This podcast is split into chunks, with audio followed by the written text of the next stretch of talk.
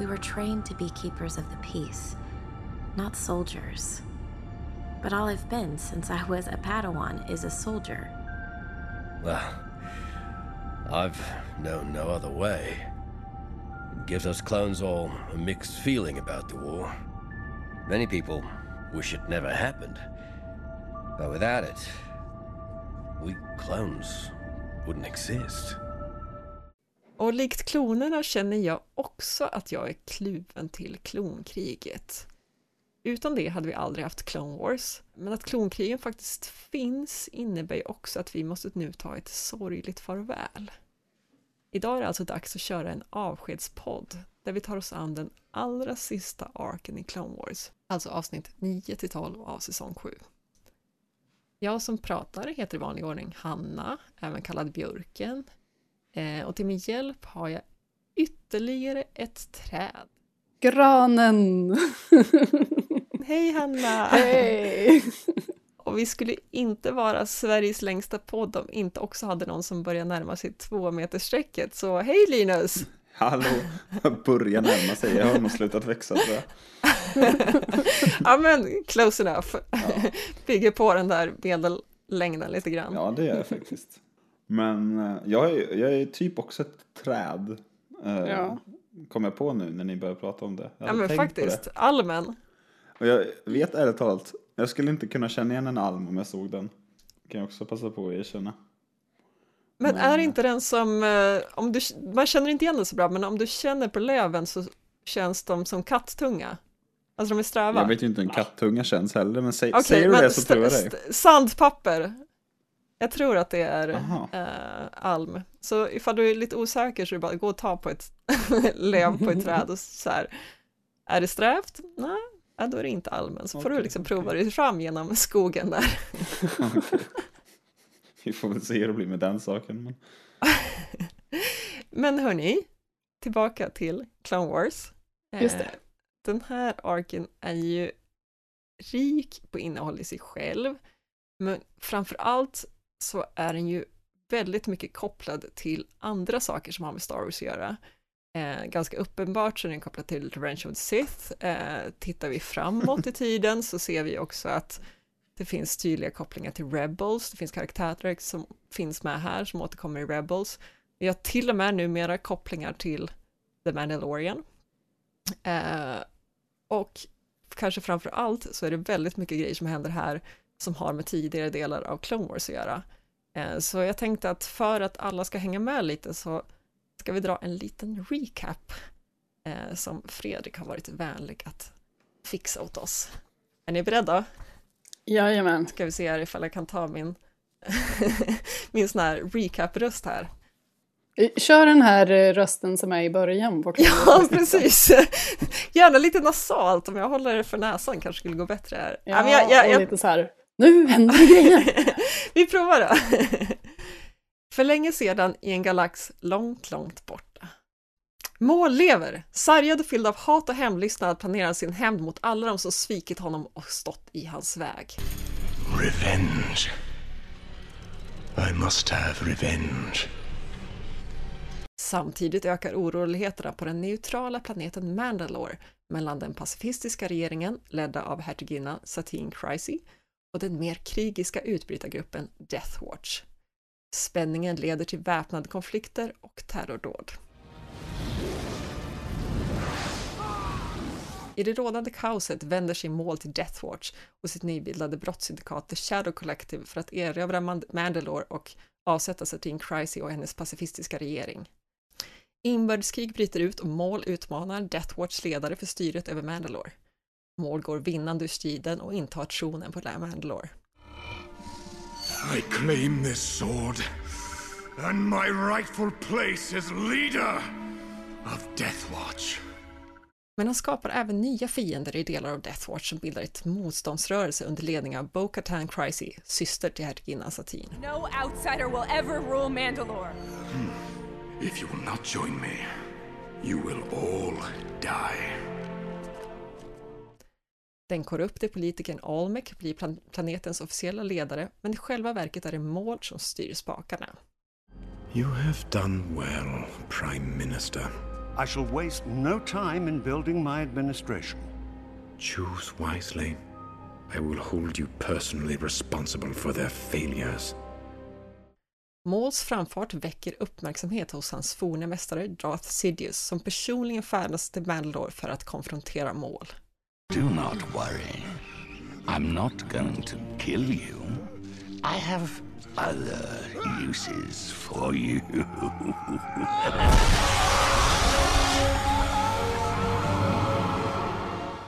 Darth Sidious tillfångatar Maul, vilket markerar slutet för hans styre på Mandalore. Men Maul lyckas fly för att än en gång återvända till Mandalore. Puff! Där Oj, oj, oj. Satt den väldigt intensiva recapen. Eh, du Linus, nu med Ja, alla de här kopplingarna till Star Wars, både i det förflutna och framtiden här, vad känner du inför det? Tycker du att det gör sig gott eller blir det mest bara förvirrande? det var ett tag sedan jag såg hela Clone Wars liksom från A till Ö så att säga. Och Mm eh, jag kan ju de som jag eh, antingen då gillar att se om för att jag tycker de eh, står ut eller för att det har blivit så. Eller, som de, eller de som vi har poddat om.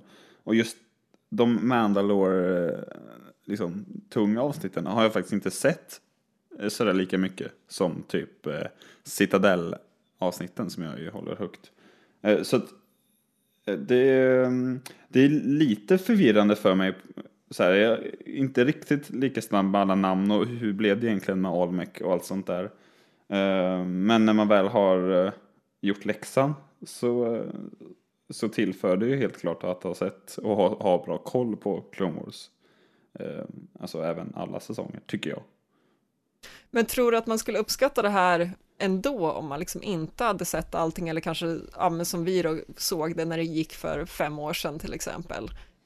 Um liksom, äh, blir det så att det liksom nästan blir lite så att man nästan utesluter de som inte är tillräckligt hardcore-fan? Uh, eh, nja, alltså det, det är förutsatt att man har bra koll på Asoka till exempel och vad hennes karaktär uh, går ut på och vad som hänt. Så skulle jag nog säga att man har, och, och såklart har liksom uh, god kunskap om filmerna och Star Wars överlag. Så, så utgår jag från att man ändå tycker att det funkar väldigt, väldigt bra. För jag tycker man förstår ganska mycket och till exempel Almec har ju en ganska liten roll ändå och det är inte riktigt kärnan i det hela. Eh, Men eh, det är klart att den förhöjs ju enormt av att ha sett de här avsnitten i, vad är det, säsong fyra eller fem eller vad det är. Precis. Men jag tror att det funkar ändå faktiskt om man eh, gillar Star Wars och har koll på Asoka. Men jag funderade på om, tänk om det är så att man har sett Rebels först och sen hakar på Clone Wars och liksom snurrar ihop avsnitten Ja, lite. just det. Und- Undrar hur man har det då? För att det finns ju säkert sådana.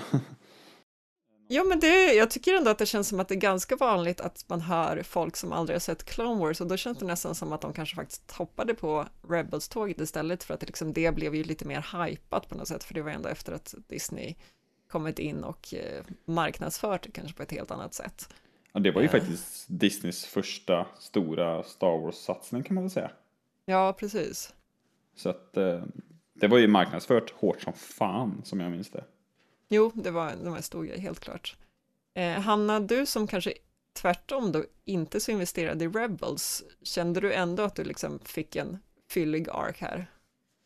Ja, ja, absolut. Jag känner inte att...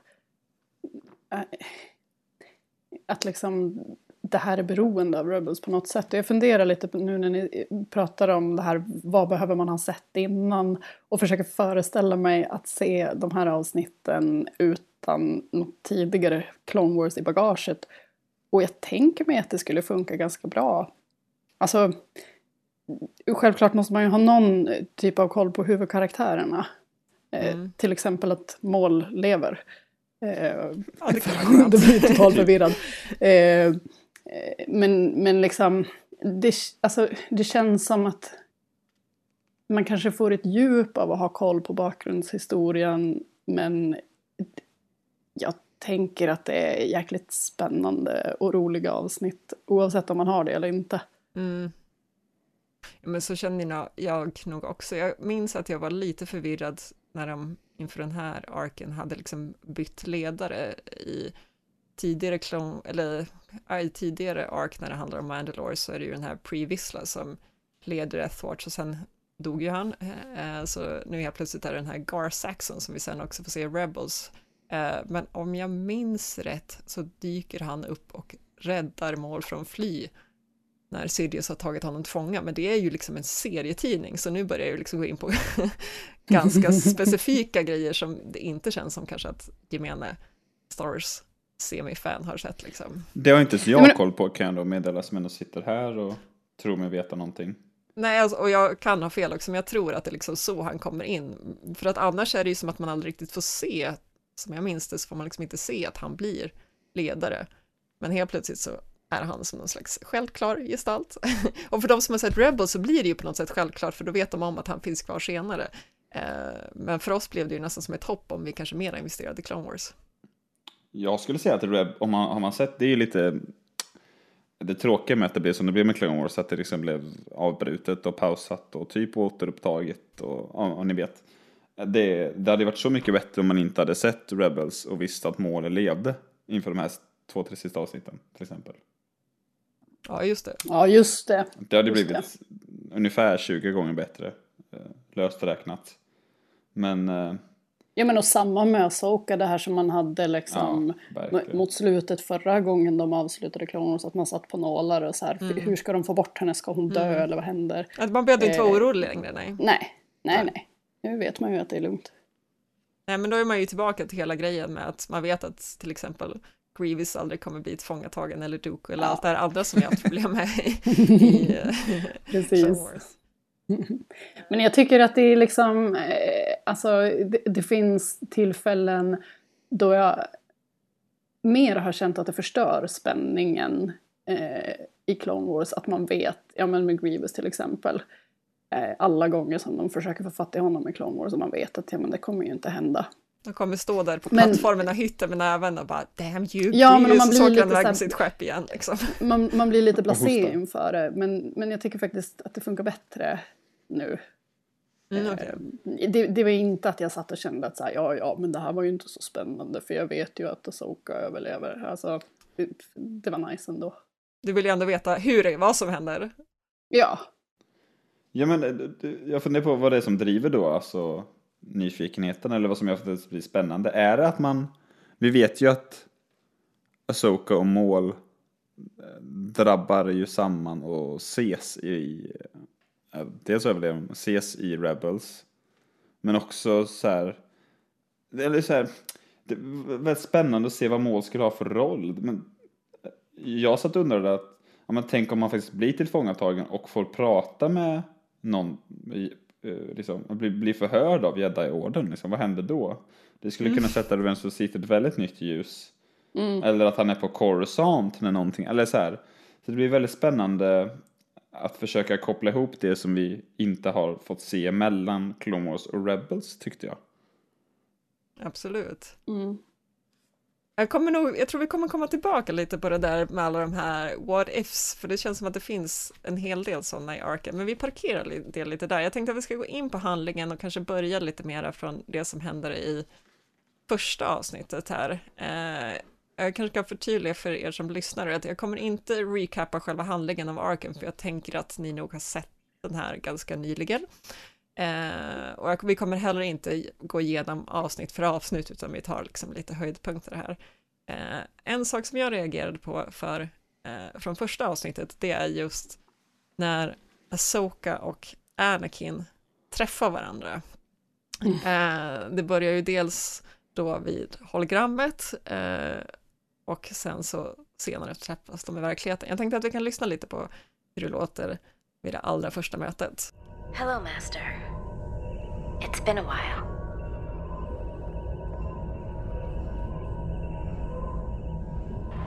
Uh, Ahsoka? Wow. I don't believe it.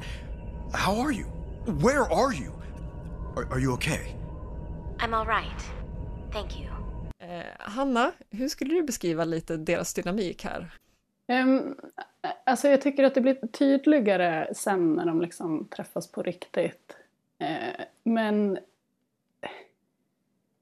alltså jag får lite, det är lite som att han är en, en glad hund som får träffa sin kompis igen.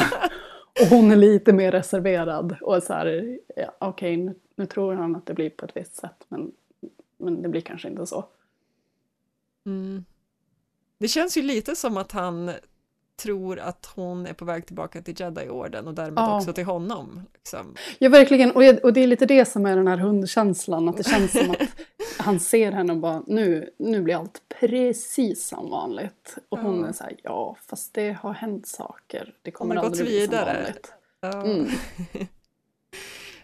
Men känns det ändå, känns det liksom cringeigt eller känns det ändå fint på något sätt att se den Nej, här? nej, jag tycker, att det, jag tycker att det är fint och det känns väldigt så här eh, passande för den utveckling som karaktären, karaktärerna har. Eh, att det är så det ska gå till. Och ja, men jag vill liksom inte att hon ska rusa tillbaka till Jedi-orden för det, det känns inte trovärdigt. På det sättet har ju de här tidigare arken eh, som ja, avsnitt, vad blir det då, fem till åtta har ju på något sätt gett en tyngd till det hela för att det känns så tydligt efter de avsnitten att hon verkligen inte är på väg tillbaka, tänker jag. Mm. Mm. Det Eh, säger de väl rakt ut också, till och med. Eh, till Obi-Wan är det va? När Hon säger, ja men nu vet jag vad Jedi-order betyder för de som behöver oss. Eller säger inte något sånt? Jo men precis, I typ helt klart. Ja, just det. Tredje just eller fjärde avsnittet. Ja. Mm. Nej men det är ju en ganska tydlig koppling där. Eh, men du Linus, när de sen träffas då i verkligheten eh, och det visar sig sen också att det här blir sista gången de möts. När kände du att det var tydligt att det inte skulle bli någon mer gång? Men Förstod du det redan vid det här mötet? Jo men jag tror att jag kände att det skulle vara sista gången de sågs. Men jag satt ändå och väntade på att de skulle höras av på något sätt. Antingen då liksom på ett hologram eller i kraften på något sätt. Men jag insåg nog, eftersom de stack iväg till Revenge of the Sith liksom, eh, Obi-Wan och Anakin, så fattade jag nog att de inte skulle fysiskt ses igen. Det gjorde jag väl ändå, skulle jag nog vilja säga. Mm. Det var samma känsla jag hade. Att så här, det, det- det kändes på något sätt att de kommer inte träffas igen nu men, men sen när det blev så här, men vänta va? Var det sista kontakten de hade? Den är ju så flyktig ändå på något sätt. Ja, alltså, de har ja, varit ifrån verkligen. varandra antagligen ganska länge tänker jag. Utgår från att det var ändå ett tag sedan hon stack från Jedi-orden, Mm. även om vi är lite förvirrade över den här tidsperspektivet som vi pratat om tidigare. Eh, Ja, men det måste det vara för hon är så förändrad. Ja, precis. Eh, Vi ser hon men- äldre ut också mycket Ja, tycker jag än, hon. än hon gör i slutet på säsong fem. Ja, så kan det nog Jag vara. både tycker jag liksom i utseende och i kroppsspråk och liksom. Ja, de har ju ändå Ja. utvecklat hennes eh, liksom, kropp tidigare, eller vad man ska säga. Alltså, Ja, hon får jo, liksom precis. sina kläder på blir längre och sådär. Eh, Hon ser liksom inte lika så här tonårstanig ut tycker jag i de här Nej. sista. Att hon ser, Nej, eller precis. alltså i säsong. Hon ser liksom, ja men hon ser vuxen ut på ett annat sätt tycker jag. Mm.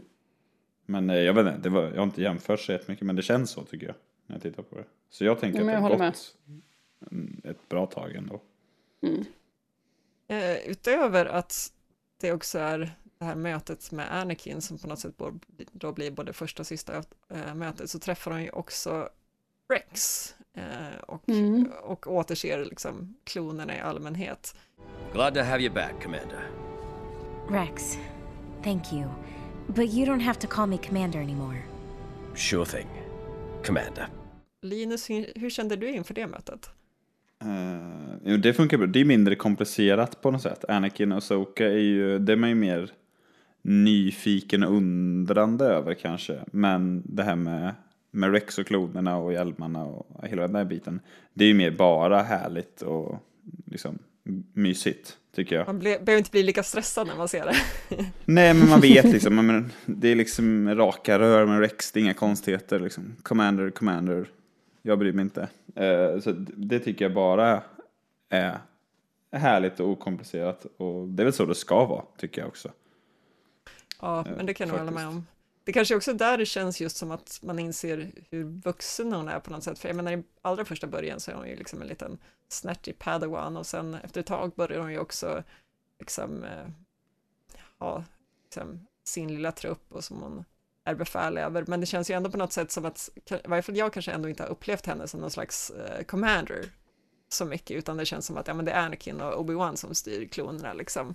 Men här kändes det ju verkligen som hon hade pondus eh, bland klonerna. Ja, verkligen. Men det tycker jag man lite har fått känslan av tidigare också, att det liksom har vuxit fram. Men Jo, ja, det blir ju ett väldigt tydligt bevis på det när hon kommer tillbaks. Ja. De där blödiga scenerna. Ja, jag känner nog nästan att jag blev mera berörd av hur klonerna var och, mot henne eh, än, än just den här scenen med Anakin på något sätt. Mm. Men den är så tragisk på något sätt. Ja, precis. Den är mer Ja. tragisk. Det är väl det i och för sig. Att Anakin tror ju fortfarande att det alltid ska lösa sig. Han tror att han alltid ska kunna så här, Han är så himla göra ett naiv. häftigt hopp med ett lasersvärd i sista stund som all, i säsong två liksom. Igen. Som bara löser det allting liksom. Ja. Ja, Johan har ju väldigt enkla lösningar på alla tunga problem liksom. Så tycker jag också att de, de är rätt så dryga mot Asoka på ett, kanske inte med flit, men så här, ja, hon vill inte vara jedi, men här gör jag en jättestor grej av att du får lasersvärd liksom, och tvingar det på henne. Och hon vill inte vara jedi, men Yoda envisas med att kalla henne för Padawan liksom. Och gör han det fortfarande här eller? Ja, och han, Oj, han, jag han säger det typ som något gulligt, tycker jag så här. Ja, Åh, du är nej, fortfarande det är min Padawan, nedlåtande. typ. Ja. Eller så här, jag, Fast, jag tycker eh, fortfarande du är. Men jag, jag tolkar det bara som att, eller jag, jag, jag tycker att det bara är nästan elakt liksom. Det är ju lite som liksom när tonåringar får höra från sina föräldrar om här barndomshistorier, liksom och hur gulliga de var när de var små på något sätt. Att det är ju så bara en sån här pinsamma förälder som bara, men jag har gått vidare, jag är nästan vuxen nu faktiskt. Ja, typ. Fast han, alltså nu har jag glömt, vad, vad, vad heter han med lila lasersvärdet? Mace Eh, Windu. Mace Windu. Just det, Windu. Herregud. det var föll bort. Jag vet ju vad han heter egentligen. Ja, men, eh, men med Windu är det ju tvärtom. Han är ju så här, ja men du, du är en civil och civila får inte höra de här planerna. Alltså han, han är ju väldigt hård åt andra hållet där istället. Vilket jag tycker är snyggt. Alltså det blir ju som så här, hon är ju en i gänget rent socialt. Men eh, han sätter ju verkligen fingret på att om du inte vill vara en i gänget genom att vara en jedi, då är du inte en i gänget. Det kan man ju mer köpa tycker jag. Eller Ja. så här, det, det är inte så konstigt. Nej men jag tycker att det är en skön kontrast mot, Ja, jo men det är det. Eh, mot, mot att Anakin ger henne tillbaks lasersvärden och, och liksom de behandlar henne som den förlorade jedin som har kommit tillbaks. Och så kommer Ja. Windu och bryter av det där. Nej men det är helt klart en rätt kylig relation från båda hållen, kanske framför allt från Asokas håll. Eh, men det jag funderar på så här, om nu allt det här som händer i Revenge of the Sith aldrig hade hänt, Jedi-orden fått vara kvar och så, tror ni att det hade funnits en chans att hon hade valt att komma tillbaka? Nej. Ännu, Ehm. än, ännu mindre tror jag det eftersom kriget hade tagit slut. Då. Om vi säger liksom att de andra vann. Så tror jag att det hade varit ännu mindre anledning. Jag tror att den enda anledningen till att hon kanske skulle komma tillbaka och vara en jedi, vilket hon väl ändå typ är här i de sista avsnitten utan att Mm. vara det, får vi väl ändå säga. Det är väl för att, ja, men för att rädda sina polare. Typ. Ja, just Jag det. tror inte hon vill vara en jedi bara för att vara en jedi. Jag tror att det hade varit större chans att hon kom tillbaks om kriget hade tagit slut eh, på något annat sätt. Eh, men eh, liksom... Alltså, jag tror att det hade varit större chans för henne att komma tillbaka som jedi utan att det är någon sorts soldatroll. För det känns som att det är mycket det hon vänder sig emot. Ja, jag tänker också att det är samma sak. Jag tänker också att det borde finnas en, liksom en mera för henne i Jedi-orden när de slutar leka krigare liksom. Mm, precis. Men jag tänker ju också att om, om kriget hade, om det liksom hade gått bra för hjältarna så hade ju Anakin också lämnat Jedi-orden. Eh, du det? Du menar för Padme eller? Ja, dels det och jag är inte jättepeppad på Jedi-riddarna eller? Egentligen. Nej, Det känns han har ändå att- varit där hela tiden liksom, fast han har haft Padme. Ja men nu när de Ja, får kanske. barn och sådär också tänker jag. Ja, i sig. Det blir svårt. ja, Och han kanske inte är så intresserad av det här okrigiska. Nej, Nej, det är för sig sant. Att det känns ju som att han har ju liksom definierat sig själv som en krigare. Och kanske Mm. också Anna, eller Asoka på samma sätt. Liksom, hon är ändå uppfostrad av honom på något vis. Han hade blivit en Bounty Hunter för att försörja familjen. Alltså förresten, jag såg, eh, jag såg om de här avsnitten i början av säsong fem. Eh, med Asoka när hon hjäl hjälper den här rebellgruppen som Saul Gerrera är med i. På Onderon. Eh, precis. Och det slog mig, jag vet inte om jag har tänkt på det förut, men det slog mig när jag såg dem nu att jäklar vad de, vad de liksom har, har börjat eh, dra in hennes tveksamheter inför Jedi-orden redan där. Jaha. Det, är- alltså det är ju i början på säsong fem och sen är det i slutet på säsong fem hon lämnar så det är ju kanske inte Okej. jättelångt i förväg men, men, men det kommer ändå så här inte att hon säger så mycket kanske men att det händer saker att man Som liksom ser på hennes liksom. minspel att hon är så här hmm, vänta nu. Men sen har hon något moment med Lux Bonterry eh, mot slutet av den arken har jag för mig att det är. Där han säger någonting eh, som gör att Ja, men jag får känslan att det, det blir som att hon är så här, ja ah, okej, ja men Jedi-orden, okej då, kanske, kanske är bra. Det var länge sedan jag såg de avsnitten, men jag minns Verkligen, det här att hon inte håller med Anakin och Obi-Wan. Nu när Mm. du säger det. Eller just det jag minns. Precis. Att hon står där vid något möte och tvingas vara tyst typ. Ja, precis, och hennes roll i hela det där är ju att bara liksom guida den här rebellgruppen. Hon får ju inte eh, bl- blanda sig i och liksom rädda dem ur knipor och det är hon väldigt emot. Och, Mm. och, och sen så, så antyds det ju om att hon har känslor för lax också. Att det är Just det, hela den där grejen. ja. ja, det är mycket som händer Det är där. gulligt när de lyckas med granaterna och det där. Ja. Det är fint. Men Eh, Sorry för lite, lite sidospår där. Har det funnits någon bra romans i Clone Wars förutom möjligtvis Anakin och Padme? Det kan Men det är inte en bra romans. Obi-Wan. Ja, den, Ah, okej, den är min då. favorit. Remember, my dear Obi-Wan.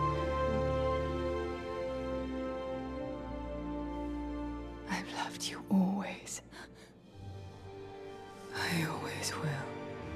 Eh, men ni, nu har vi varit inne där på eh, Asokas då ganska kyliga relation till eh, Jedi-rådet och det känns ju som att den exploderar ju vid några tillfällen. Den första är ju då när eh, hon behöver hjälp med att tillfångata mål och larmet går och de måste alla sticka till Coruscant. You're going to abandon Bo Katan and her people? Ahsoka, surely you understand this is a pivotal moment in the Clone Wars. The heart of the Republic is under attack. I understand that as usual you're playing politics. This is why the people have lost faith in the Jedi. I had too, until I was reminded of what the Order means to people who truly need us. Right now, people on Coruscant need us. No, the Chancellor needs you. That's not fair. I'm not trying to be. Det jag funderar på lite grann här, är hennes reaktion liksom rimlig här på något sätt? Alltså jag menar, visst mål är en fiende, men det känns ju ändå som att så här, prioriteringen att skydda huvudstaden eller huvudplaneten känns ju rätt befogad. Eller tänker jag helt fel? Liksom? Alltså jag fattar ju att man ska, ska heja på Asoka och att liksom hennes tankar känns rimliga, men på sätt och vis vet jag inte om de är det. Liksom. Men är inte det, det känns som att det är lite hennes grej. Eh, och speciellt efter att hon har lämnat Jedi-orden och får liksom eh, se hur, hur livet är för vanliga människor. Att hon, alltså hon ömmar ju väldigt mycket för, för de som inte rent naturligt får skydd. Eh, det- och, och, så det känns som att det är mycket den upprördheten att säga jaha nu händer det någonting på Coruscant och Coruscant är så Ja, himla så viktigt här, så, då ska världens dit. centrum, Men de liksom. här på Mandalore de har inte så fett de heller. Varför hjälper vi inte dem i samma utsträckning?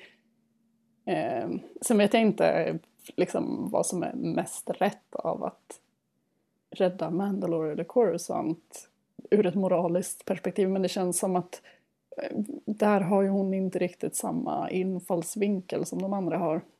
Nej, det är precis sant. Fast å andra sidan, alltså jag menar, det är en sak att Bo Katan vill ta tillbaka sin planet och liksom eh, ja, få makt över folket. Men det känns ju egentligen inte som att eh, befolkningen på Mandalore uppfattar sig själv som särskilt förtryckta liksom. We will be known as the warriors we were always meant to be.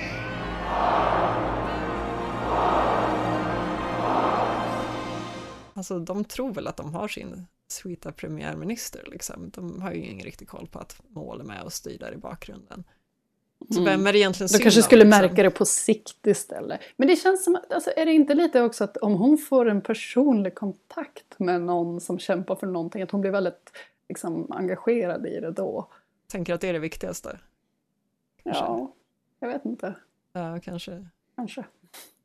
Sen är man lite lack på Jedi-orden också fortfarande tänker jag. Mm. ja, det känns ju som de har ju väldigt lite marginaler liksom i hennes lilla svarta bok. Ja, det är väl som om man säger That's not fair, I'm not trying to be, eller vad säger de då? Så här, i AI, typ. Ja. Eh, Men nej, alltså det känns väl rent krasst så känns det väl rimligt att rädda huvudstaden och sin ledare. Sen var det otur att han även var deras ledare, liksom, det visste inte de. Precis, det var lite missbedömning där bara. Eh, den andra grejen som hon verkligen lackar ur på, det är ju det som du var inne på lite innan Linus, eh, det är ju när Obi-Wan ber Asoka att liksom på något sätt eh, prata förnuft med Anakin, eller kanske, kanske inte prata förnuft utan snarare lite kolla hur han har och det är när Anakin har blivit ombedd att spionera. The Chancellor has been a great friend and mentor to Anakin. I can't imagine he is happy about this. No, he is not. So perhaps it's best that you do speak with him. And what? Defend the Council's actions? I hardly think I'm the best person for that. Ahsoka, the Council isn't always right. That's why I'm asking for your help. Det jag gillar med den där scenen det är att hon direkt fattar vilket problem det är att han har blivit ombedd att göra det och som också på något sätt Obi-Wan verkar fatta. Mm. Hon och Obi-Wan håller faktiskt med varandra här. Ja, Typ. precis. Ja.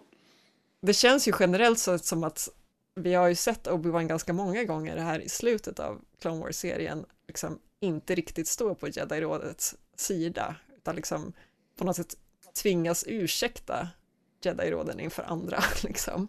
Jag, bara, ja, jag vet att de inte alltid är bra, men nu måste vi, vi måste ha något råd, liksom. Ungefär. Eh, men det som jag verkligen gillar med den serien, eller den scenen, det är ju tanken på vad som hade hänt om hon hade kunnat få kontakt med Erkan, om hon hade kunnat få prata med dem. Eh, Hanna, tror du att det på något sätt hade kunnat hjälpa? Hade hon liksom kunnat vad ska man säga, trösta honom eller guida honom på något sätt som gör att han inte skulle fortsätta vara tokförbannad på Jedi-rådet? Alltså det är en väldigt kittlande tanke att tänka överhuvudtaget hur en sån konversation skulle se ut och vad den skulle kunna leda till. Um, jag tror inte kanske att det skulle eh, ändra utgången på något sätt. Utan mer någon, någon sorts tillfällig... Eh, om, man, om man tänker att hans väg från Anakin till Vader är en linje som går snett uppåt så tänker jag att ett sånt ta- samtal skulle flacka ut den där linjen ett tag och sen skulle de fortsätta gå uppåt. Ja, just det. Han skulle fortfarande vara orolig för Padme, han skulle fortfarande vara arg för att han inte var Ja, mästare. precis. Precis, att det känns som att då, då, kan de ha, då kan de ha ett samtal i lugn och ro, inga känslor är direkt akut inblandade och så kan han liksom eh, få, lite, få lite perspektiv. Eh, men sen är han så himla känslostyrd så att, så att när det väl liksom hettar till så ser jag inte det där någon skillnad. Nej. Det kanske är så. Linus, känner du att du är på samma spår? Att liksom, det hade inte spelat någon roll på något sätt? Uh, nej, det hade ett telefonsamtal hit eller dit tror jag inte hade gjort jättemycket i det här fallet. Men det är också fundera, alltså jag är inne på din linje där, eh, Granen. Men jag, jag köper inte riktigt hennes resonemang om att om att, eh, eller varför ringer hon inte till slut? För scenen slutar med att de ändå kommer överens och han tycker som hon. Eller så här, först, förstår ni vad jag menar?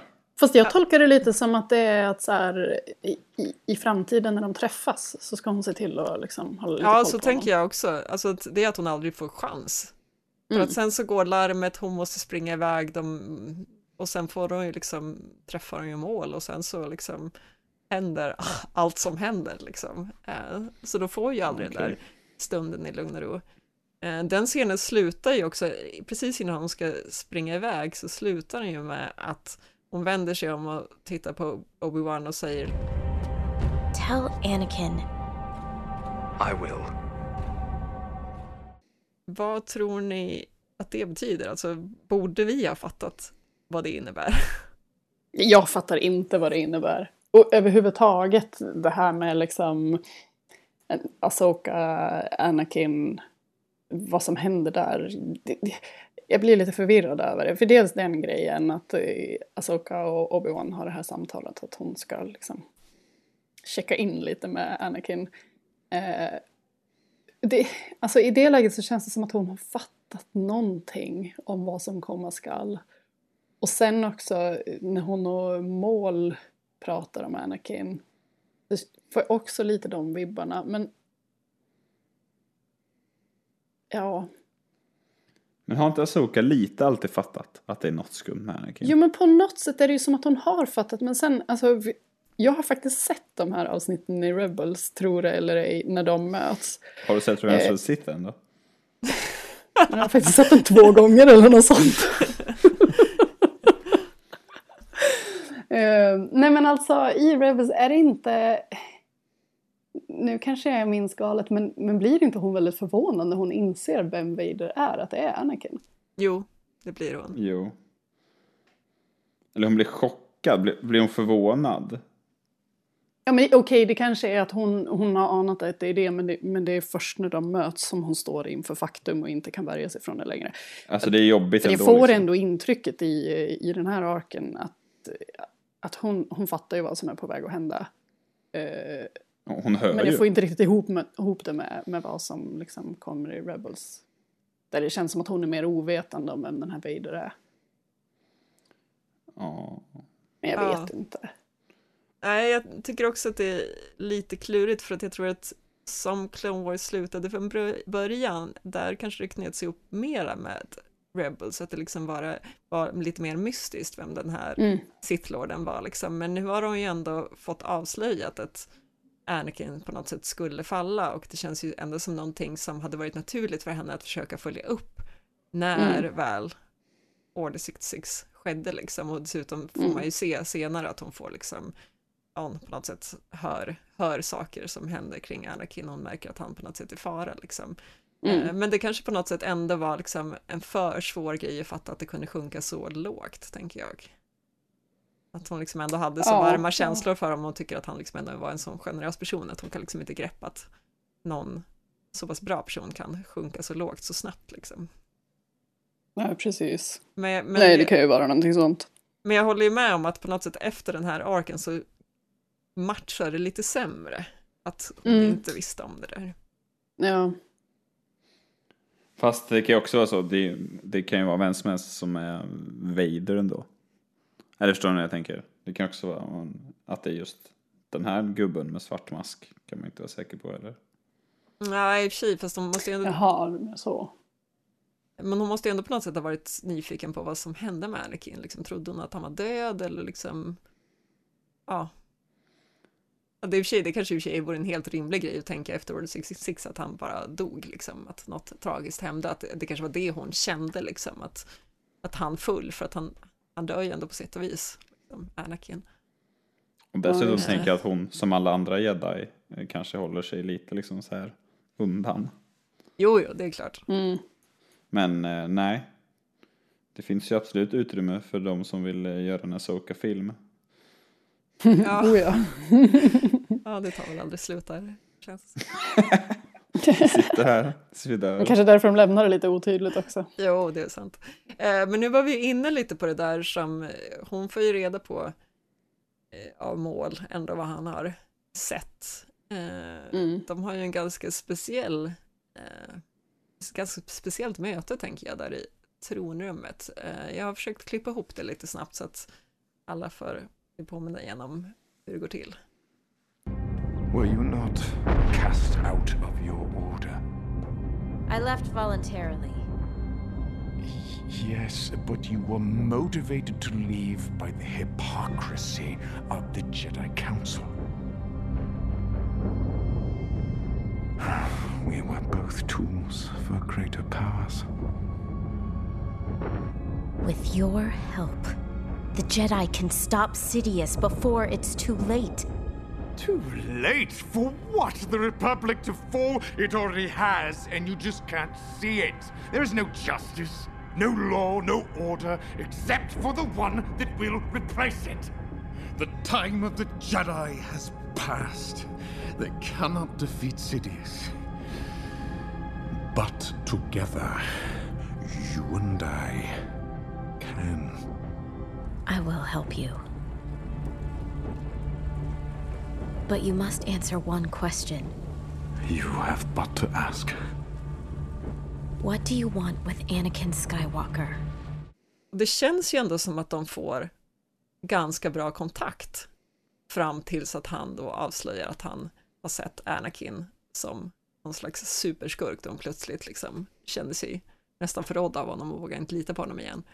Eh, men det jag inte riktigt greppar här är ifall det här är genuint eller inte. Alltså, har Asoka känt sig så sviken av Jedi-rådet att hon direkt liksom hoppar på måltåget i det hela? Liksom. Hade hon anslutit sig till målfalangen och liksom, om, om det inte hade varit hela den här lilla Anakin-detaljen? Alltså han lägger fram en del schyssta argument. Gör han inte det? Ja. Och det går ju att tolka det som att, eh, som att hon liksom bara spelar med där för, för att se vad det är han är ute efter egentligen.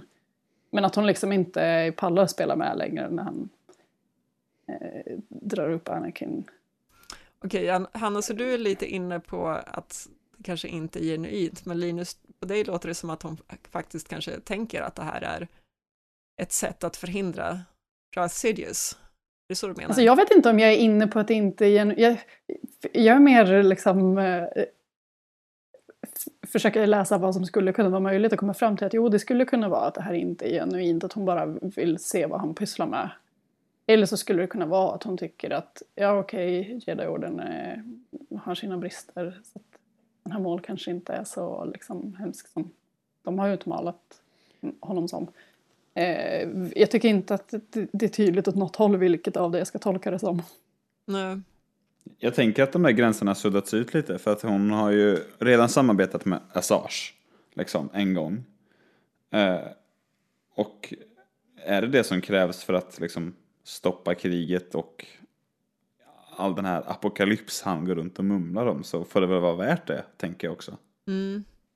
Jag, tycker det, jag tolkar det som att det är så hon tänker, att hon liksom, jaha okej okay, då får jag väl säga, det här är inte min favoritperson, det är inte den jag liksom optimalt skulle vilja eh, gå ihop med, men om han är nyckeln till att ja, avbryta republikens fall, då är det värt det liksom. Eh, men då känns det också lite som att hon är född igår, för att liksom, borde vi inte veta om att de bara vill lura oss, eller är det liksom just att SIS har varit dolda så länge så att hon liksom inte vet om att det är så här det alltid blir, att det är liksom det här, jo men om du bara går upp med mig, då kommer allting bli bra, liksom. Men när, när hon släpper ut honom sen eh, ur, ur den här kuben han är i, eh, säger inte hon någonting då om att eh, nej, jag vill liksom inte att vi ska göra någonting tillsammans, jag har bara släppt upp dig för en distraktion. Men där tar hon väl upp att eh, hon liksom inte ser honom som någon särskilt bra lösning på vem som ska styra allt sammans. Jag minns inte exakt hur den där scenen är, men, det, men jag tror absolut att där har han ju helt gett upp att han skulle på något sätt vara en lösning till det hela. Men jag tycker ändå mm. att i tronrummet så känns det ändå som att hon överväger det, mm. trots att det Ja men då kan jag tänka när hon släpper ut liksom. honom, när hon släpper ut honom där så känns det som att, eh, alltså där, hela grejen var ju att de skulle tillfångata mål och nu har de gjort det och sen släpper hon ut honom. Eh, det visar ju på något sätt att hon, hon är beredd att rucka lite på principerna eh, för, att, eh, för att få det hon behöver i stunden. Mm. Så, liksom, eh, så det skulle ju kunna tala för då. att hon... Ja, men så det skulle kunna tala för att hon faktiskt där i tronrummet tänker att ja, okej, nu kör Ja, vi det här just det. tillsammans. Ja. Det är väl också det som är kanske i det här läget är fördelen av att hon inte är en jedi. Att hon kan ju lite Hon göra som som hon hon vill. Hon behöver inte vara så principfast, nej. Det var ju bra att du började prata om just det här när målet är fångatagen, för jag tänkte att vi kanske kunde gå vidare till avsnitt tre som eh, framför allt handlar om hur Order 66 startas. Eh, den har ju en ganska annan ton mitt i avsnittet rätt länge. Det är långsamt och det är den här liksom stämningsfulla, rätt dystra musiken i bakgrunden. Liksom. Vi har gått från snabb action nu i två avsnitt till något helt annat. Eh, Hanna, du och jag har ju pratat Order 66 ett antal gånger här. Mm. Eh, Kände du att det var så här du ville liksom se Order 66 spelas ut? Jag tror att det var någon gång under att jag liksom började kolla på säsong 7 som jag insåg att vänta nu, Order 66 kanske kommer vara med här. Jag hade liksom inte gått dit överhuvudtaget i tankarna innan. Ehm, så att jag har verkligen inte tänkt på hur vill jag att det ska utspela sig i Clone Wars. Men när det här avsnittet började så kände jag direkt, nu kommer det hända. Eh, alltså hela, hela stämningen var liksom upplagd för att nu kommer det hända. Och jag tycker att det var väldigt snyggt att få se det liksom eh, bara fokuserat på Asoka och Rex.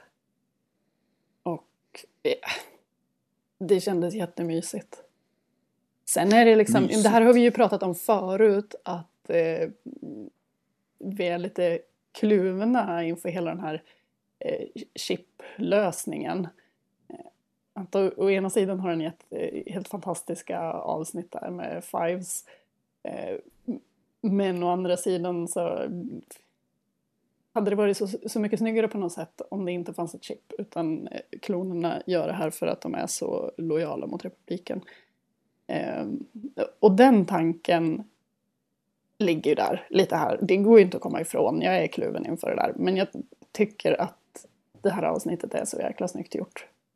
Med, med liksom hela stämningen och, och den här liksom, övergången från att Asoka och Rex är vänner till att eh, ja, men alla kloner på hela skeppet är ute efter att döda henne. Eh, Och ja, Och, tro, och trots deras vänskap så är det liksom det enda han kan erbjuda är liksom några sekunder då han kan ge henne en ledtråd innan han bara helt Mm. faller och liksom blir slav av chippet. Ja. Precis. Nej, Jag var ju också väldigt sugen på den här mera liksom, drillade, hjärntvättade grejen. Alltså att klonerna skulle vara så lojala, så att det är det Mm. problemet. Liksom. Det är ju så jag liksom tänkte det när filmerna var, men på något Mm. sätt så liksom efter att Clone Wars har gått och man sett hur nära klonerna och jedis hade blivit så tror jag att det hade varit svårare att motivera en sån grej. Så att jag tror ändå Mm, att det här kanske var en lösning vi precis. behövde ha. Eh, Linus, jag liksom för mig inför att den här säsongen skulle släppas att eh, du och kanske några fler satt och spånade om hur mycket vi skulle se av Revenge of the Sith, för jag hade ju liksom själv varit naiv och tänkt att "Ja, ja, men det här Clone Wars kommer ju sluta innan Revenge of the Sith. och jag minns i varje fall att det var några i vårt gäng som, som liksom räknade med att det kanske liksom skulle gå lite mer parallellt med och till och med efter Revenge of the Sith. Eh, minns du lite grann vad du hade för spekulationer innan den här säsongen startade?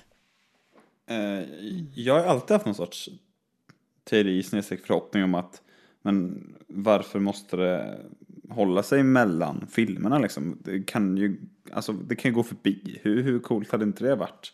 Och då menar jag egentligen mer än det vi faktiskt får att eh, men att det liksom utspelar sig mer efter än bara den här epilogen liksom. Mm. Eh, och det tänkte jag med Rebels också. Hur coolt hade det inte varit om Rebels fortsatte efter New Hope? Eh, Men eh, Ja, skit i det nu.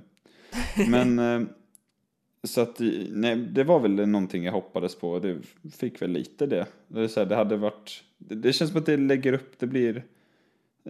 men, alltså, jag tycker att det skapar känslan som vi får mycket riktigt när Obi-Wan säger det här, ja, Dooku är död. Det är liksom, Mm det öppnar upp för så himla mycket mer helt plötsligt.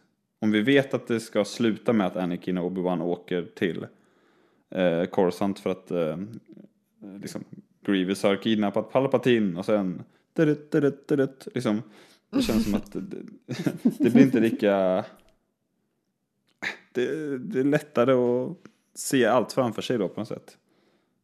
Det finns större utrymme för eh, mål och allt sånt i det här konceptet tycker jag. Det känns ju väldigt rimligt också om man, om man tänker att så här, eh, Asoka är en stor publikfavorit.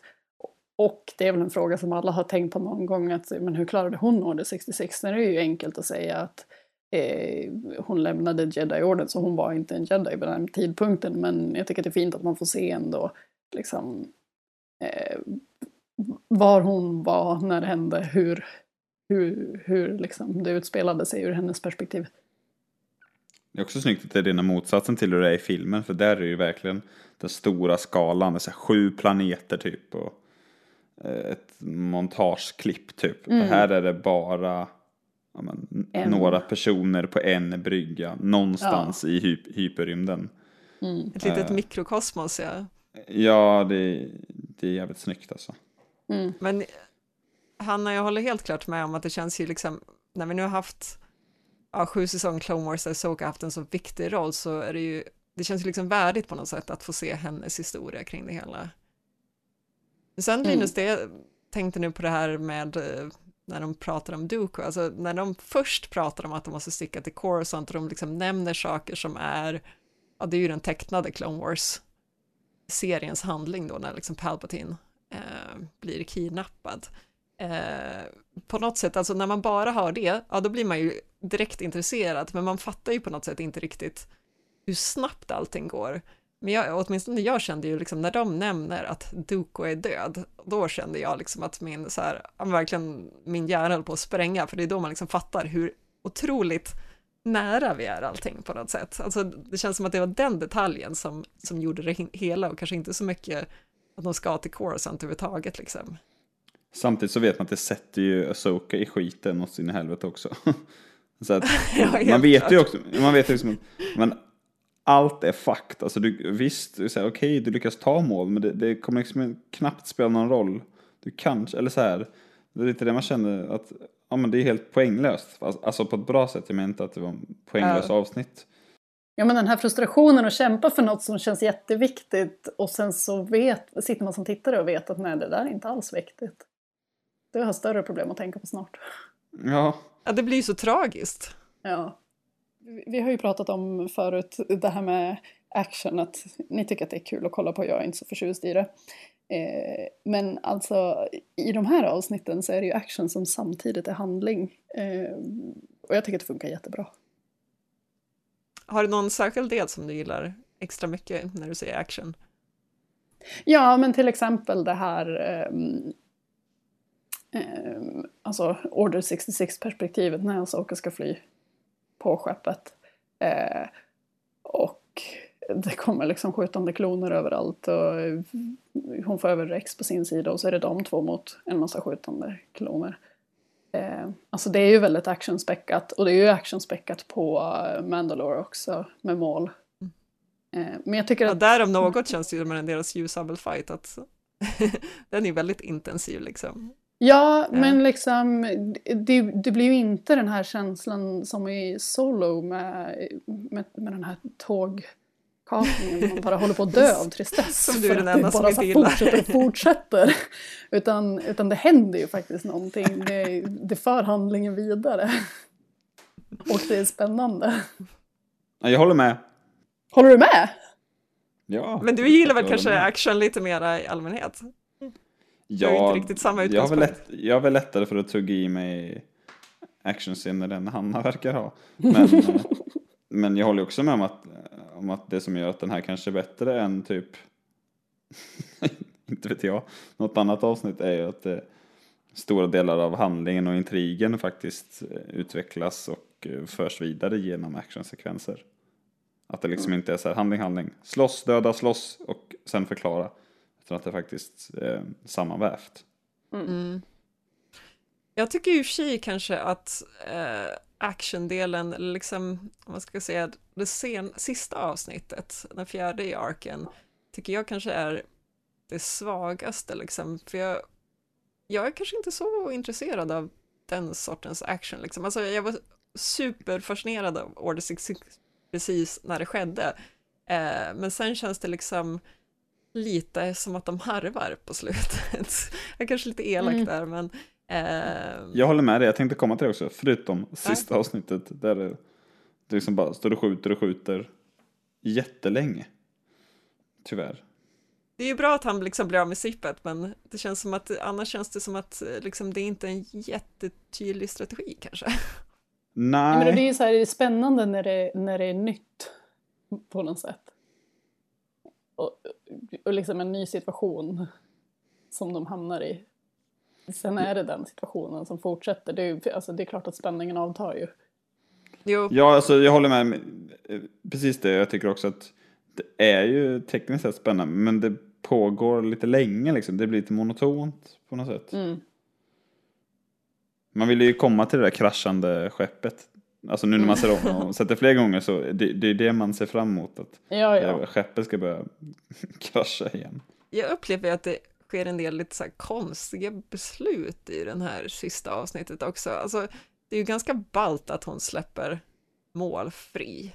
Eh, men det känns ju också som att liksom, vad, vad är då syftet med det? För att hon säger ändå så här, nej men jag vill inte liksom döda folk i onödan. Hon måste ju ändå förstått att folk kommer dö om mål blir fri liksom. Alltså, om hon släpper mål fri bara för att själv överleva, inte det lite egoistiskt liksom?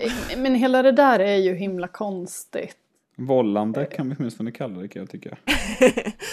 Helt klart vållande till annans död att släppa Oh ja. typ en av de farligaste mördarna i galaxen fri liksom på ett skepp. Så, Också det första som händer efter, hon, efter att hon säger det, jag vill inte döda dem, hon bara mosar iväg en tung jävla dörr i huvudet på typ fem stycken så bara flyger iväg. Man bara, hallå, de där Hon måste har ju hjälmar på sig så det är liksom. lugnt. Ja, men, ja, men när, Bryter man Ja, nacken men spelar det och ingen roll om man har har- hjälm på sig. Ser Men man inte till och med rätt. liksom huvuden som rullar eller ska det bara vara hjälmarna då? Kanske bara hjälmarna. Huvudena? Ah, jag vet inte riktigt. Men eh, jag håller med, det finns, det finns en del luckor i det sista avsnittet. Eh, som, ja, men som du sa Hanna, som gör att det kanske inte är det bästa av de fyra sista. Eh, och det man ser om det för det är ju, det är ju Vader och det är ju... Mm. Jag har aldrig sett ett Clone Wars avsnitt där de lyckas spränga in så mycket symbolik överallt med hjälmar och kraschande skepp. Liksom. för, eh, så vi avslutar här Clone Wars med ett kraschande eh, republikanskt Star Destroyer. Liksom. Det, Ja, det är det bästa det är som väldigt finns. symboliskt. Eh, men det funkar ju, men man kan ju sitta och räkna dem liksom. Åh, här går Darth Vader ifrån en liksom, sprucken klonhjälm. Coolt! Eh, Men, Men tänker ni förresten, nu när hon släppte målfri, tänker ni att hon liksom har en plan att säga, ja men det är så viktigt att jag eh, kommer från det här skeppet för jag kan på något sätt förhindra någonting annat liksom? För att, Nej, jag tänker det bara som överlevnadsinstinkt. Ja okej, men då är det ju jätteegoistiskt. Ja, verkligen. Sen känns det också som att så här, det är väldigt mycket det här att de inte ska skjuta kloner, men skeppet är ju uppenbart, uppenbarligen på väg att krascha liksom. Och det finns ju ingen... Men då har ju hon och Rex det här snacket där hon säger att ja, de kommer dö, men det, är, det ska inte vara liksom för att jag skjuter dem. Eh, Det ska bara vara bollande till deras Ja. stöd via, via mål, death by mål. precis. Helt okej.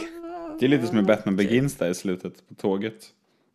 Om ni minns. Oh, eller har det sett. minns jag inte. När han säger så här bara, ja, jag ska inte döda dig, men jag tänker inte rädda dig. Och så bara lämnar honom på ett kraschande tåg och hoppar ut.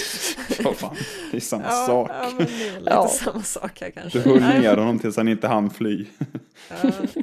Schysst Nej, jag tyckte det var ballt att hon släppte målfri, men jag känner verkligen att eh, det på något sätt påverkade lite min bild av henne lite för mycket faktiskt. Ja, men det var, ja, och sen så, då var det som att hon hade den här dialogen med Rex för att rädda upp den situationen så att man inte skulle tänka, nej men vad hon blivit för eh, så här, elak. För, för elaking som inte bryr sig om klonernas liv. Men vet du fasen om jag tycker att den konversationen räddar upp det, men ja, ja de försökte i alla fall. Men Linus, du var ju för sig inne på symboler, det känns ju som att det här är så här den äkta jedi-symboliken här, att så här, de vill göra gott men de är fortfarande as liksom. Det är så, det är så Asoka är lite grann i den här sista arken liksom, att eh, på något sätt så låtsas hon vara god genom att inte använda liksom laser när hon skjuter utan bara stön. Men egentligen så är liksom resultatet fortfarande vidrigt. Uh, ja, det kan man väl uh, tycka. Och, och typ i avsnittet innan så tyckte jag också att det själva faktum att hon, eller så här, hennes icke-jeddiga, jeddiga beteende eh, gjorde att hon fuckade upp hela skiten eventuellt. Att hon eh, lite då mer känslostyrt om vi ska liksom dela in det så. Kanske olikt en jedi. Eller så här, vad Obi-Wan inte hade gjort. Eh, det är att hon eh, struntade i hela den här målgrejen för att hon blir så himla orolig för Anakin. Mm. Till exempel. Eh, det finns ju också en viss tragik i det. Men, ja, just det. Eh, jag, jag, vet inte, alltså, sista avsnittet blir lite blurrigt för mig. Det är så jävla mycket svårt som är svårt att hålla reda på. Jag fattar inte vad det är de, vill de bara överleva? För det känns som att de fightar jättelänge för att komma därifrån. För att, är det bara att överleva eller för att när de som kraschlandar då beter hon sig som att det redan är kört. Men det vet väl inte hon. Hon vet väl inte att Anakin är död eller att eller, eller så här, eller, vart åker mål? Det är massa sådana grejer jag undrar. Det känns som att det saknas en akt typ i, i sista avsnittet. Nej, men jag tänker att han åker väl bara iväg och slutar vara en del av berättelsen. Det är inte han som är central här. Nu har han spelat ut sin roll och vi vet att han finns sen. Så att vad som händer däremellan behöver inte riktigt berättas. Men vet och karaktärerna hon... om det liksom? Eller åker mål efter mm, Sidious fortfarande? Eller, eller de vet ju inte vad som har hänt. De har inte sett Revenge of the Sith menar jag. Jaha, nej men jag tänker alltså... Tror jag inte. Mål har ju någon sorts... Eh, han får ju någon sorts uppenbarelse av eh, att Order 66 händer. Så han, han vet väl vad som är på gång. Och jag tänker att Asoka också fattar det genom att eh, klonerna vände sig mot henne under Order 66. Ja men har hon ju liksom det, det kan ju inte bara gett upp Anakin och allt sånt? Det tycker jag är otydligt med slutet. Jaha.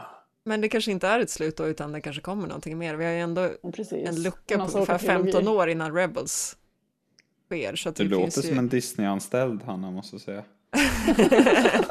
alltså det, det, finns ju en roman däremellan också som jag inte har läst, men liksom, jag tror nog att de kan fylla på med ganska mycket material så småningom i och med att hon är så populär. Eh...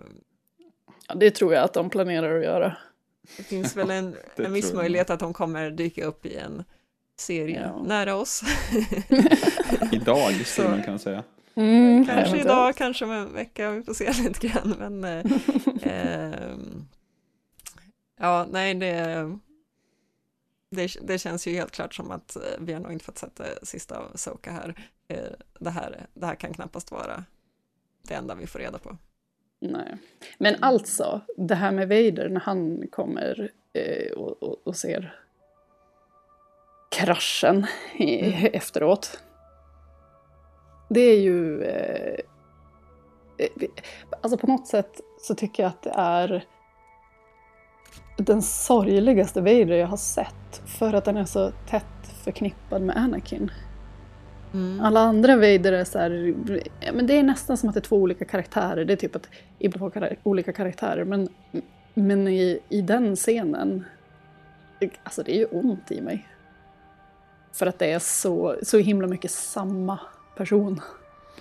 Man ser, de är smarta de här jävlarna. För man, de låter oss se Vaders ögon genom visiret ja, också. Mm. jag tycker verkligen att du sammanfattar det bra här Hanna också för att det, jag har ju alltid haft lite svårt att liksom koppla ihop Anakin och Vader och det är ju inte bara den här gamla klassiska grejen att säga ja men Sith det går så himla fort liksom, för att vi nu har vi ändå haft Clone Wars som går Mm. jättelångsamt och vi absolut har haft antydningar till hans mörka sidor. Men Mm. ändå när man ser Vader så är det ett så stort steg. Liksom. Man, visst, man vet om att han är tragisk och sorglig, men, men det, är ju, det är ju på något sätt här som Vader blir som allra, allra mänskligast. Mm. Och jag tycker verkligen de lyckades med det. Liksom. Mm. Eh, Det behövs inte så mycket och det hade ju varit, jag hade nog kanske inte velat se så mycket mer, Linus du var ju inne på liksom att kunna se långt förbi the Sith och det tyckte jag i alla fall inte här hade passat liksom. Det är möjligt att vi återigen kan få en serie där vi får se hur det går för Vader och Soka och allt vad det heter. Jag ska bara ringa mina Disney-kollegor sen.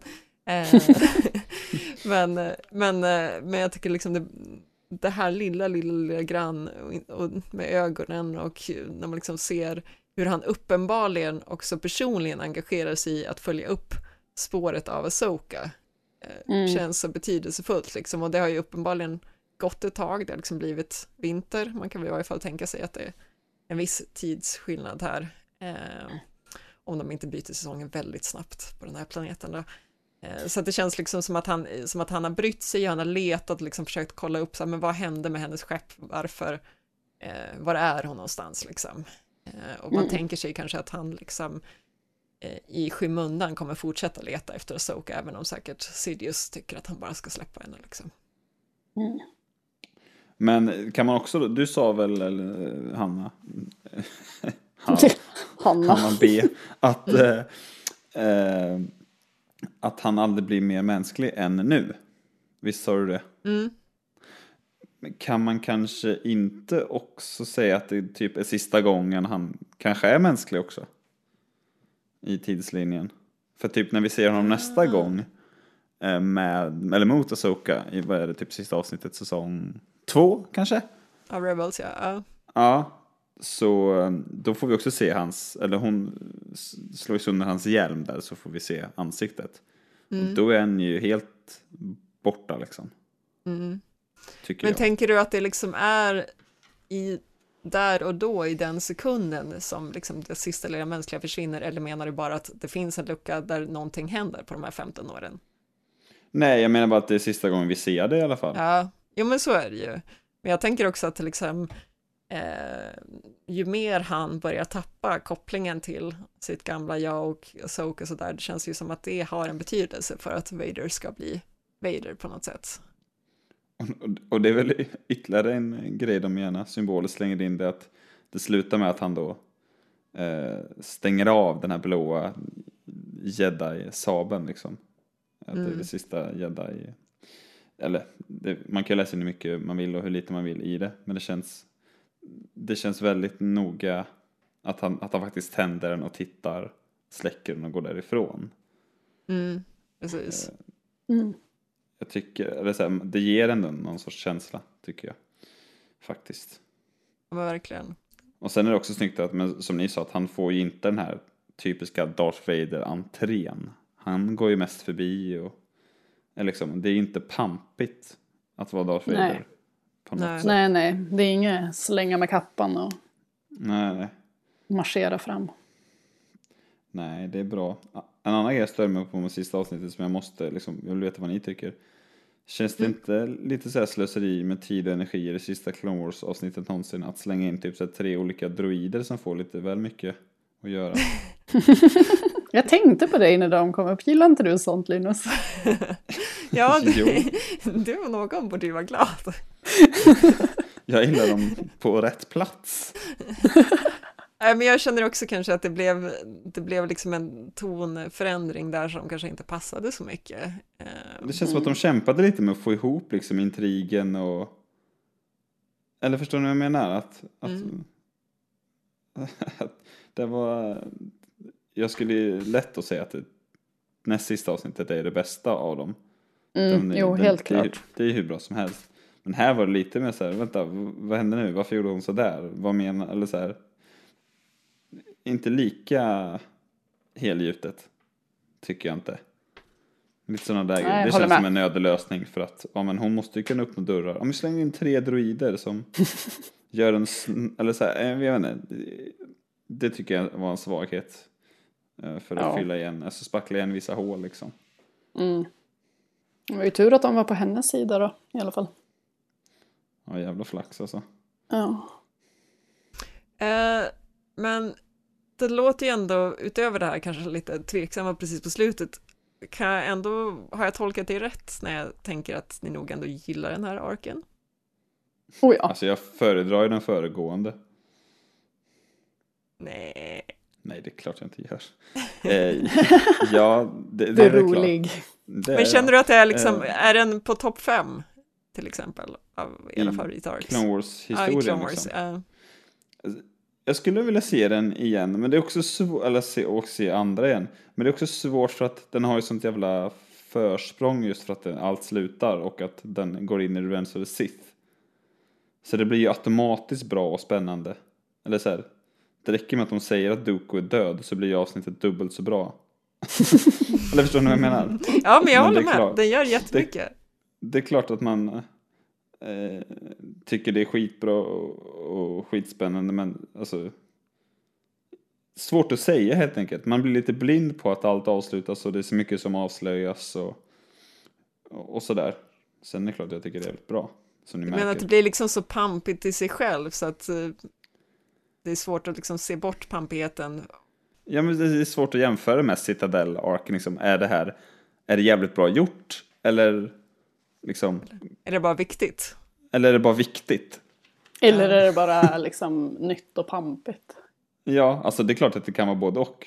Men eh, det är ändå svårt att jämföra. Det är liksom som att jämföra men så här, vilken scen är bäst? Tronrummet i Episod 6 eller poddracet liksom? Det är ju Det är ju jättelätt! ganska lätt att svara på. Ja, jag menar det. Det är skitlätt. Ja. Det är svårt att jämföra dem menar jag. Ja, okej. Ja.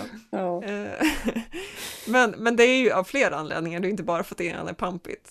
Det- ena är Nej, också okej, mycket jag kan ta en annan scen då. Men ni fattar vad jag menar. Men, Men alltså, Hanna, vad man kände du då? jämföra... Jo, men... Jag tycker ju helt klart att det här är det starkaste i säsong 7. Mm. Och jag tycker att... Eh, Såg du Bad Batch-avsnitten? ja, de, de är nära.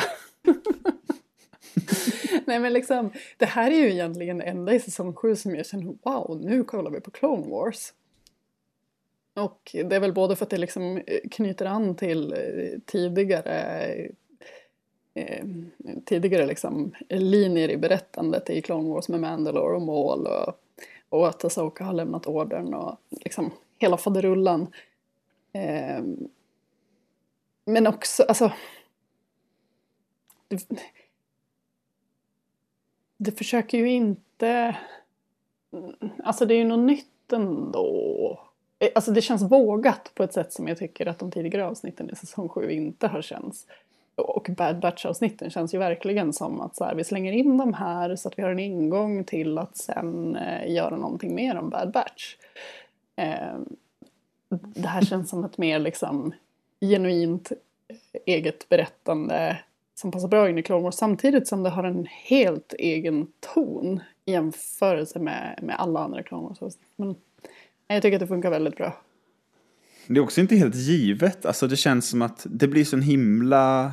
Det är så jävla smart att berätta det utifrån Maul, Asoka och Rex. Framförallt Maul Asoka. Mm. För att det blir verkligen liksom en X-faktor. För att vi vet ju hur det kommer sluta. Liksom, alltså ramberättelsen, den stora Mm. bilden. Men de här har liksom egentligen ingenting med varken Order 66 eller liksom upplösning på kriget att göra. Men ändå är de där och håller på liksom.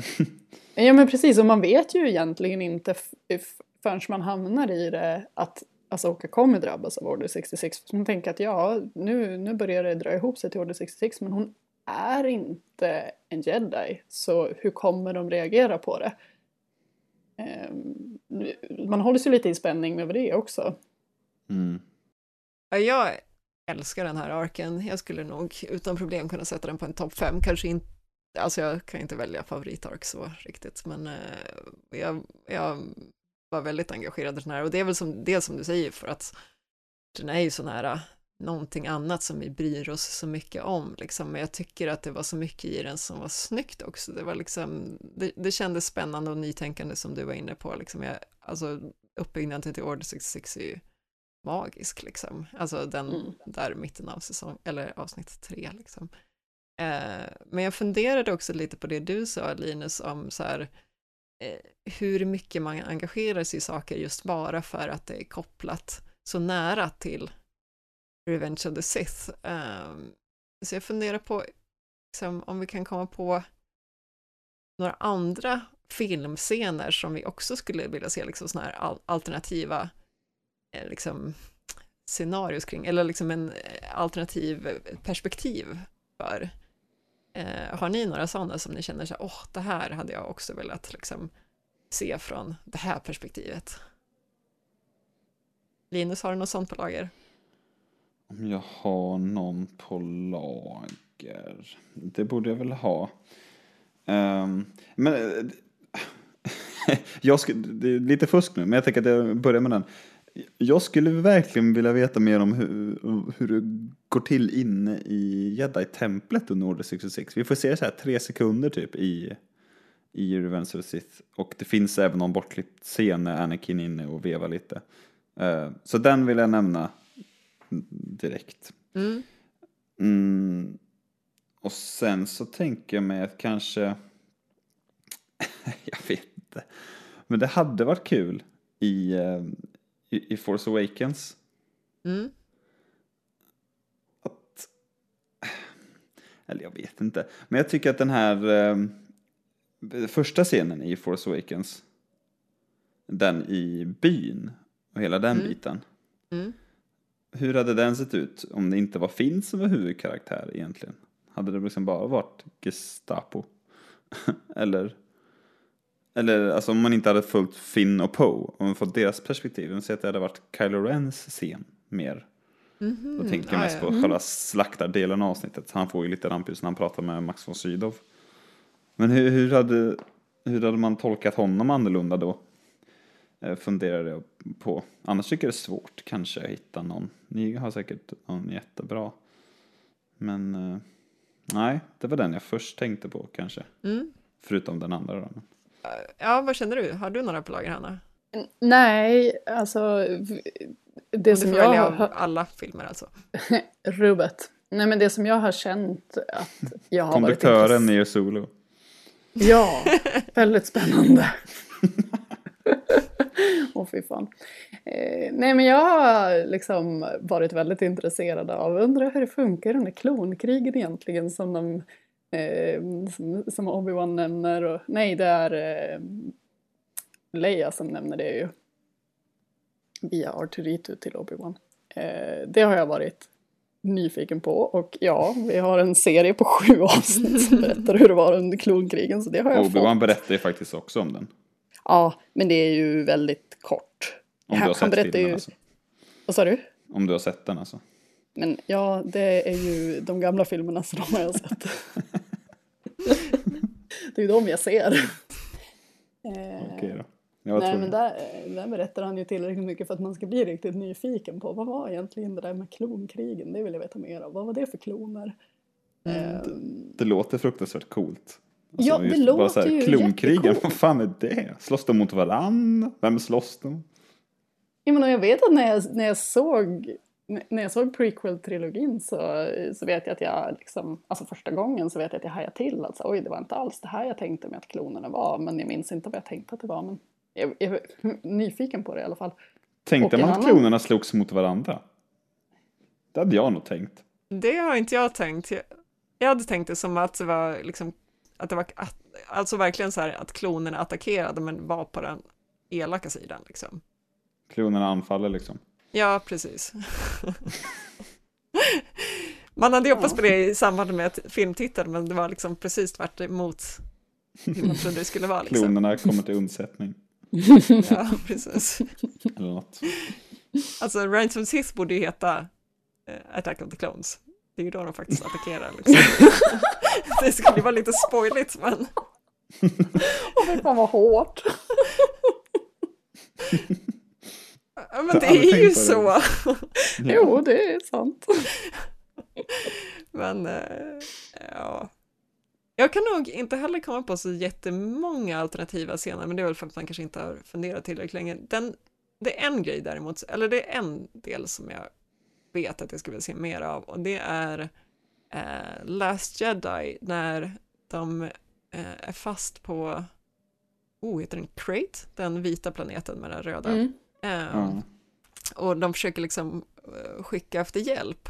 Och det på något sätt byggs ju upp som att det kommer komma ny hjälp och liksom rädda dem. Eh, och så gör det inte det. Eh, det här hade de kanske byggt upp, kunnat bygga upp lite mera i eh, Rise of Skywalker, vilket ja, det är väl en boll som tappas lite grann. Men jag skulle gärna vilja liksom veta vad, vad är det här för grupper som de anropade och vad var det som gjorde att de valde att inte komma liksom? Eh, vad Det är ju Bad liksom? Batch, 100 procent. Det är det serien handlar om. Alltså det är ju lite senare kanske än vad Bad Batch storhetstid liksom. Det på livslängden på Bad Batch. Ja, de, de åldras hälften så snabbt. Precis. Eh, nej, men, eh, men det, det hade varit ganska coolt att se, liksom, så här, för de är väl typ någon slags, alltså det är ju deras allierade i liksom Outer Rim och eh, eh, jag tänker liksom att det kanske finns något slags maktspel också där som gör, alltså det är säkert några som hade velat komma eh, men att det är någon som bestämmer att nej men vi kommer inte sticka eller liksom åka dit i Mm. lönlöst eller någonting. Eh, Mm. Det är det jag tyckte var ganska ballt. Jag känner också, jag håller precis på att börja läsa om, eller börja läsa romanen till Last Jedi.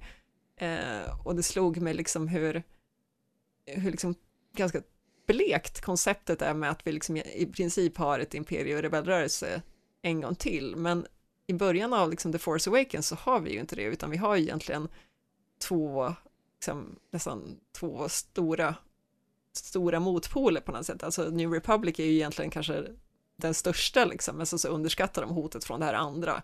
Eh, det hade jag kanske också velat se lite mer. Jag vet att det också är lite bortklippta scener och jag tror att i Bloodline får man säkert eh, reda på mer den romanen. Eh, men, men liksom på något sätt känns det som att det saknas lite grann för man kastas in i att liksom Resistance blir direkt en rebellrörelse men jag känner att det hade varit mer intressant att se liksom ja men den här naiv- naiva New Republic som inte fattar att det finns liksom verkliga hot och bara tar dem för givna liksom att, att Republic alltid kommer att vinna på något sätt. Eh, så det hade jag kanske också velat se lite mer av. Känner att det saknades. Mm. Mm. Jag kom Ja, på en något. till. Ja. Som, Som, det låter lite som ett skämt, men jag, jag, jag är allvarlig. Eh, det hade ändå varit spännande på något sätt att se alltså vad som egentligen händer med Anakins mamma. Och så hela den grejen. I, alltså hos sandfolket och hela den här biten. Ja, ja, ja. Alltså från att han eh, lämnar henne tills hon dör typ, eller? Eller menar du bara sista delen? Ja, men, nej, alltså hela alltså, kidnapping-grejen. Och lite så här, kanske hennes liv också lite på, på köpet. Där. Det har jag alltid Men- undrat över. Alltså vad... Mm. Tog de henne bara för att någon kunde? Eller? eh, Ja, det är ju tjej sant. Alltså så här, är det en, hel, är det en slump? Är är det en slump att de väljer just Anakin Skywalkers mamma liksom? Eh, Kan det inte vara? Eller? Alltså, det, det beror ju på lite det här, det känns ju som att vi är olika falanger i hur mycket Palpatine är med och petar i saker och hur mycket han bara glider på saker som, som råkar ske ändå liksom. Bra på att utnyttja Eh, slumpen. Är vi team Robert så skulle jag säga att Palpatine inte är inblandad, och det är egentligen bara en slump att Sand People tar just henne. Eh, men Är vi team Robert då i frågan? är jag inte team Robert riktigt, jag vill ju gärna se Palpatine inblandad i varenda liten detalj. Eh, Nej, men- jag tycker att eh, det blir lite för mycket. Ja. Han- kan inte vara inblandad. varför i allt. inte? Men alltså Nej, enligt men mål det- så är han ju där och liksom är ju han som har byggt upp allting och liksom ansvarig för alla viktiga händelser. Ja, men jag, kan, jag kan tycka att han kan få vara det. Eh, men inte att, han, att det liksom är han som ska ha styrt allt eh, till punkt och pricka. Utan då vill jag mer se honom som någon som är väldigt bra på att utnyttja det som råkar ske runt omkring honom. Alltså, jag håller med dig Hanna i det sista du säger. Men samtidigt så tycker jag att det finns inte chans att Palpatine vet om att Anakin har jobbet med sin mamma och sen bara så här struntar i att själv, alltså att ta den saken i egna händer. Jag känner lite samma, att det känns ju som att han groomar ju Anakin så himla mycket från sitt håll, men han, det känns ju som att, eller i min lilla headcanon så tänker jag att han är med att, och ser till att Anakin blir känslomässigt nedbruten. Alltså jag tänker, det känns ju som att han ändå är ganska involverad i att Asoka sticker och liksom försöker ja, dela på dem på något sätt eh, ganska mycket. Och jag tänker att han mycket väl skulle kunna vara med och ge Anakin de här visionerna om döden liksom. Alltså jag tänk, det, är, det är klart det bara kan vara kraften här, men på något sätt vill jag liksom tänka att han är med och ser till att Anakin blir så skör så att han ska vara mottaglig för att bli Vader när det väl är dags. Lyckas han ändå med får man säga. Ja, men bra jobbat, eller bara tur liksom, men, men det känns lite djärvt att bara tänka att så här, den här personen som ändå har ett, liksom, på många sätt ett väldigt gott hjärta, att, liksom bara hoppas att så här, ja men när det väl gäller, då blir han säkert ond liksom. Jag trodde du skulle prata om Palpatine först.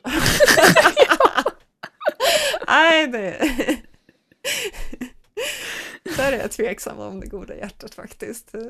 Jag är kanske Det inte kanske världens bästa människokännare, men ja. Original, eller prequel-trilogin utifrån Palpatine. ja. Som att han liksom är... Då får vi se ifall Team Robert eller Team Björkan vinner. Mm. Kanske två alternativ som den här eh, nudlar och nollottor. Vi kan, vi kan Ja. zappa mellan... Ja, just det. Ja, men det här, eh, nu ska vi se här, ska vi, ska vi förklara Nudlar och 08? Det var bara att det är en tv-serie som gick både på ettan och tvåan, som man fick Ja, se från precis. olika, var det olika bara vinklar eller olika liksom, händelser. Mm. Va? Jag tror att det var olika händelser till och med. Jag vill minnas att jag satt där och zappade fram och tillbaks någon gång och på ena kanalen var de i en lägenhet och andra var de utomhus någonstans. Det var nog liksom Ah, okej. inte bara liksom olika perspektiv på samma händelse utan faktiskt olika, olika parallella händelser. Det var ett ganska djärvt koncept, men de har ju inte fortsatt med samma strategi, så Nej, jag antar att det var man kan lite ju för förstå det.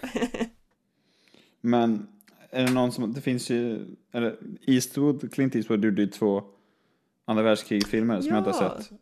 Men Nej.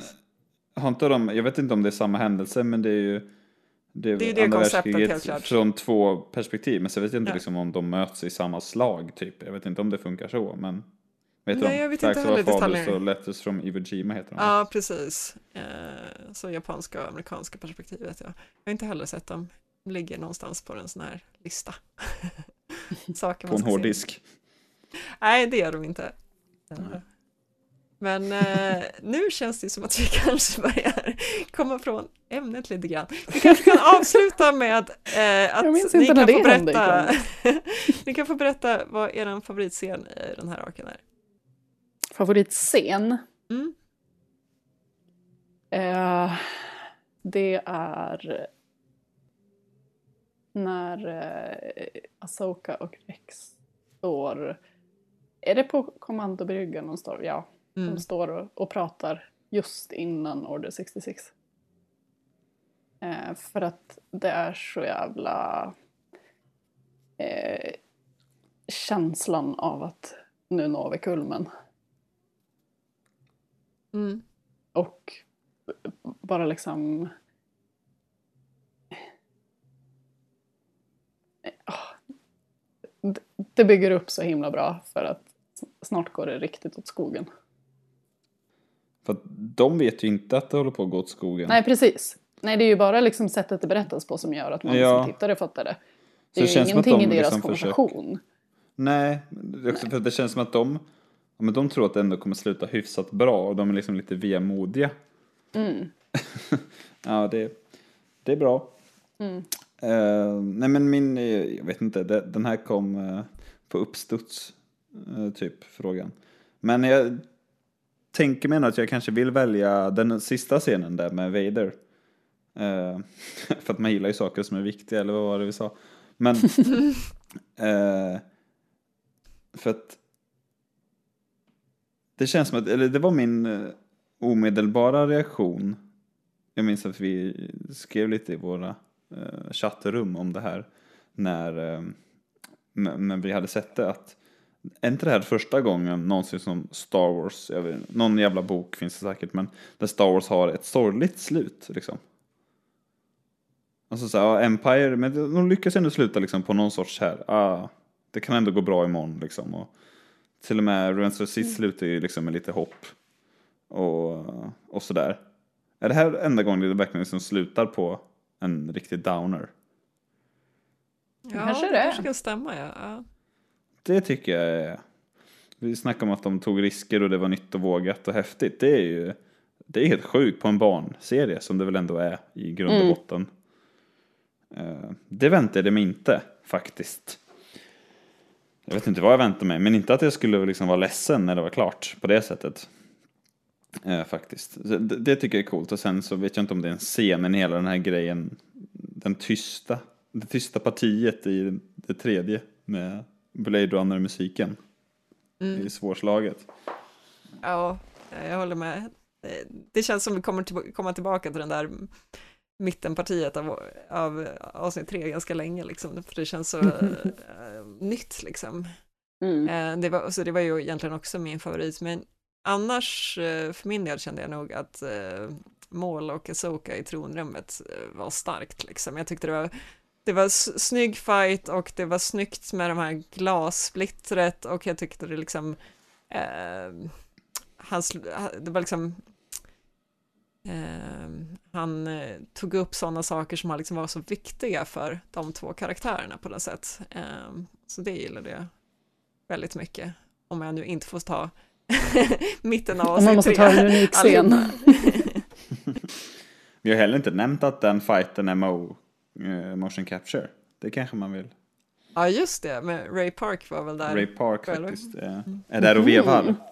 Det syns ju också, tycker jag. Den är ju liksom på något sätt lite tyngre i rörelserna. Alltså kanske inte nödvändigtvis Ja, på ett bättre sätt. Liksom. Alltså, jag tycker att den är cool, men det jag menar är att eh, liksom, han rör sig ju på ett sätt som kanske går lite ifrån hur de annars rör sig i Clone Wars, känner jag.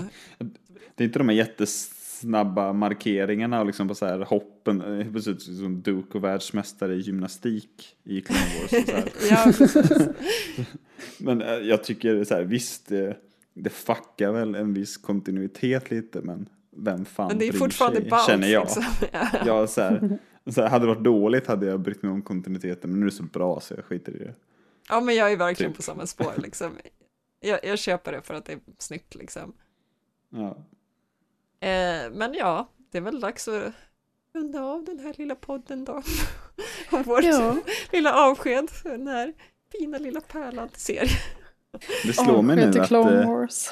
att jag hittade Rebellradion genom, genom Clone Wars-poddarna för, när var det, 2014?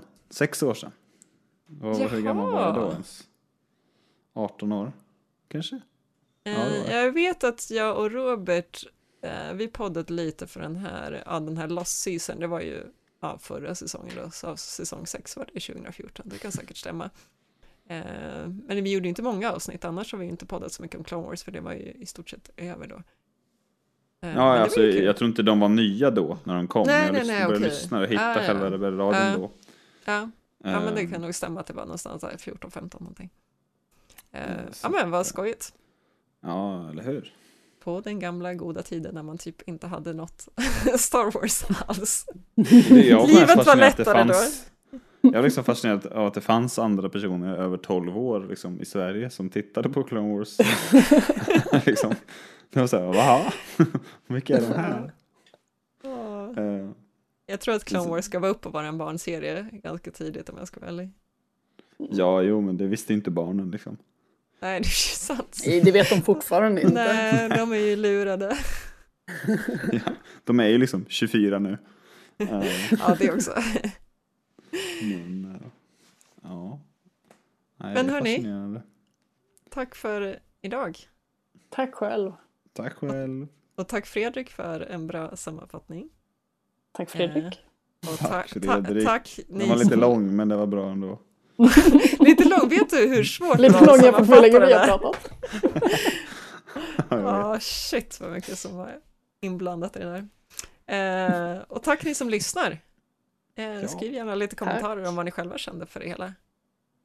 Ha det bra då allihopa. Hej då! Hej då!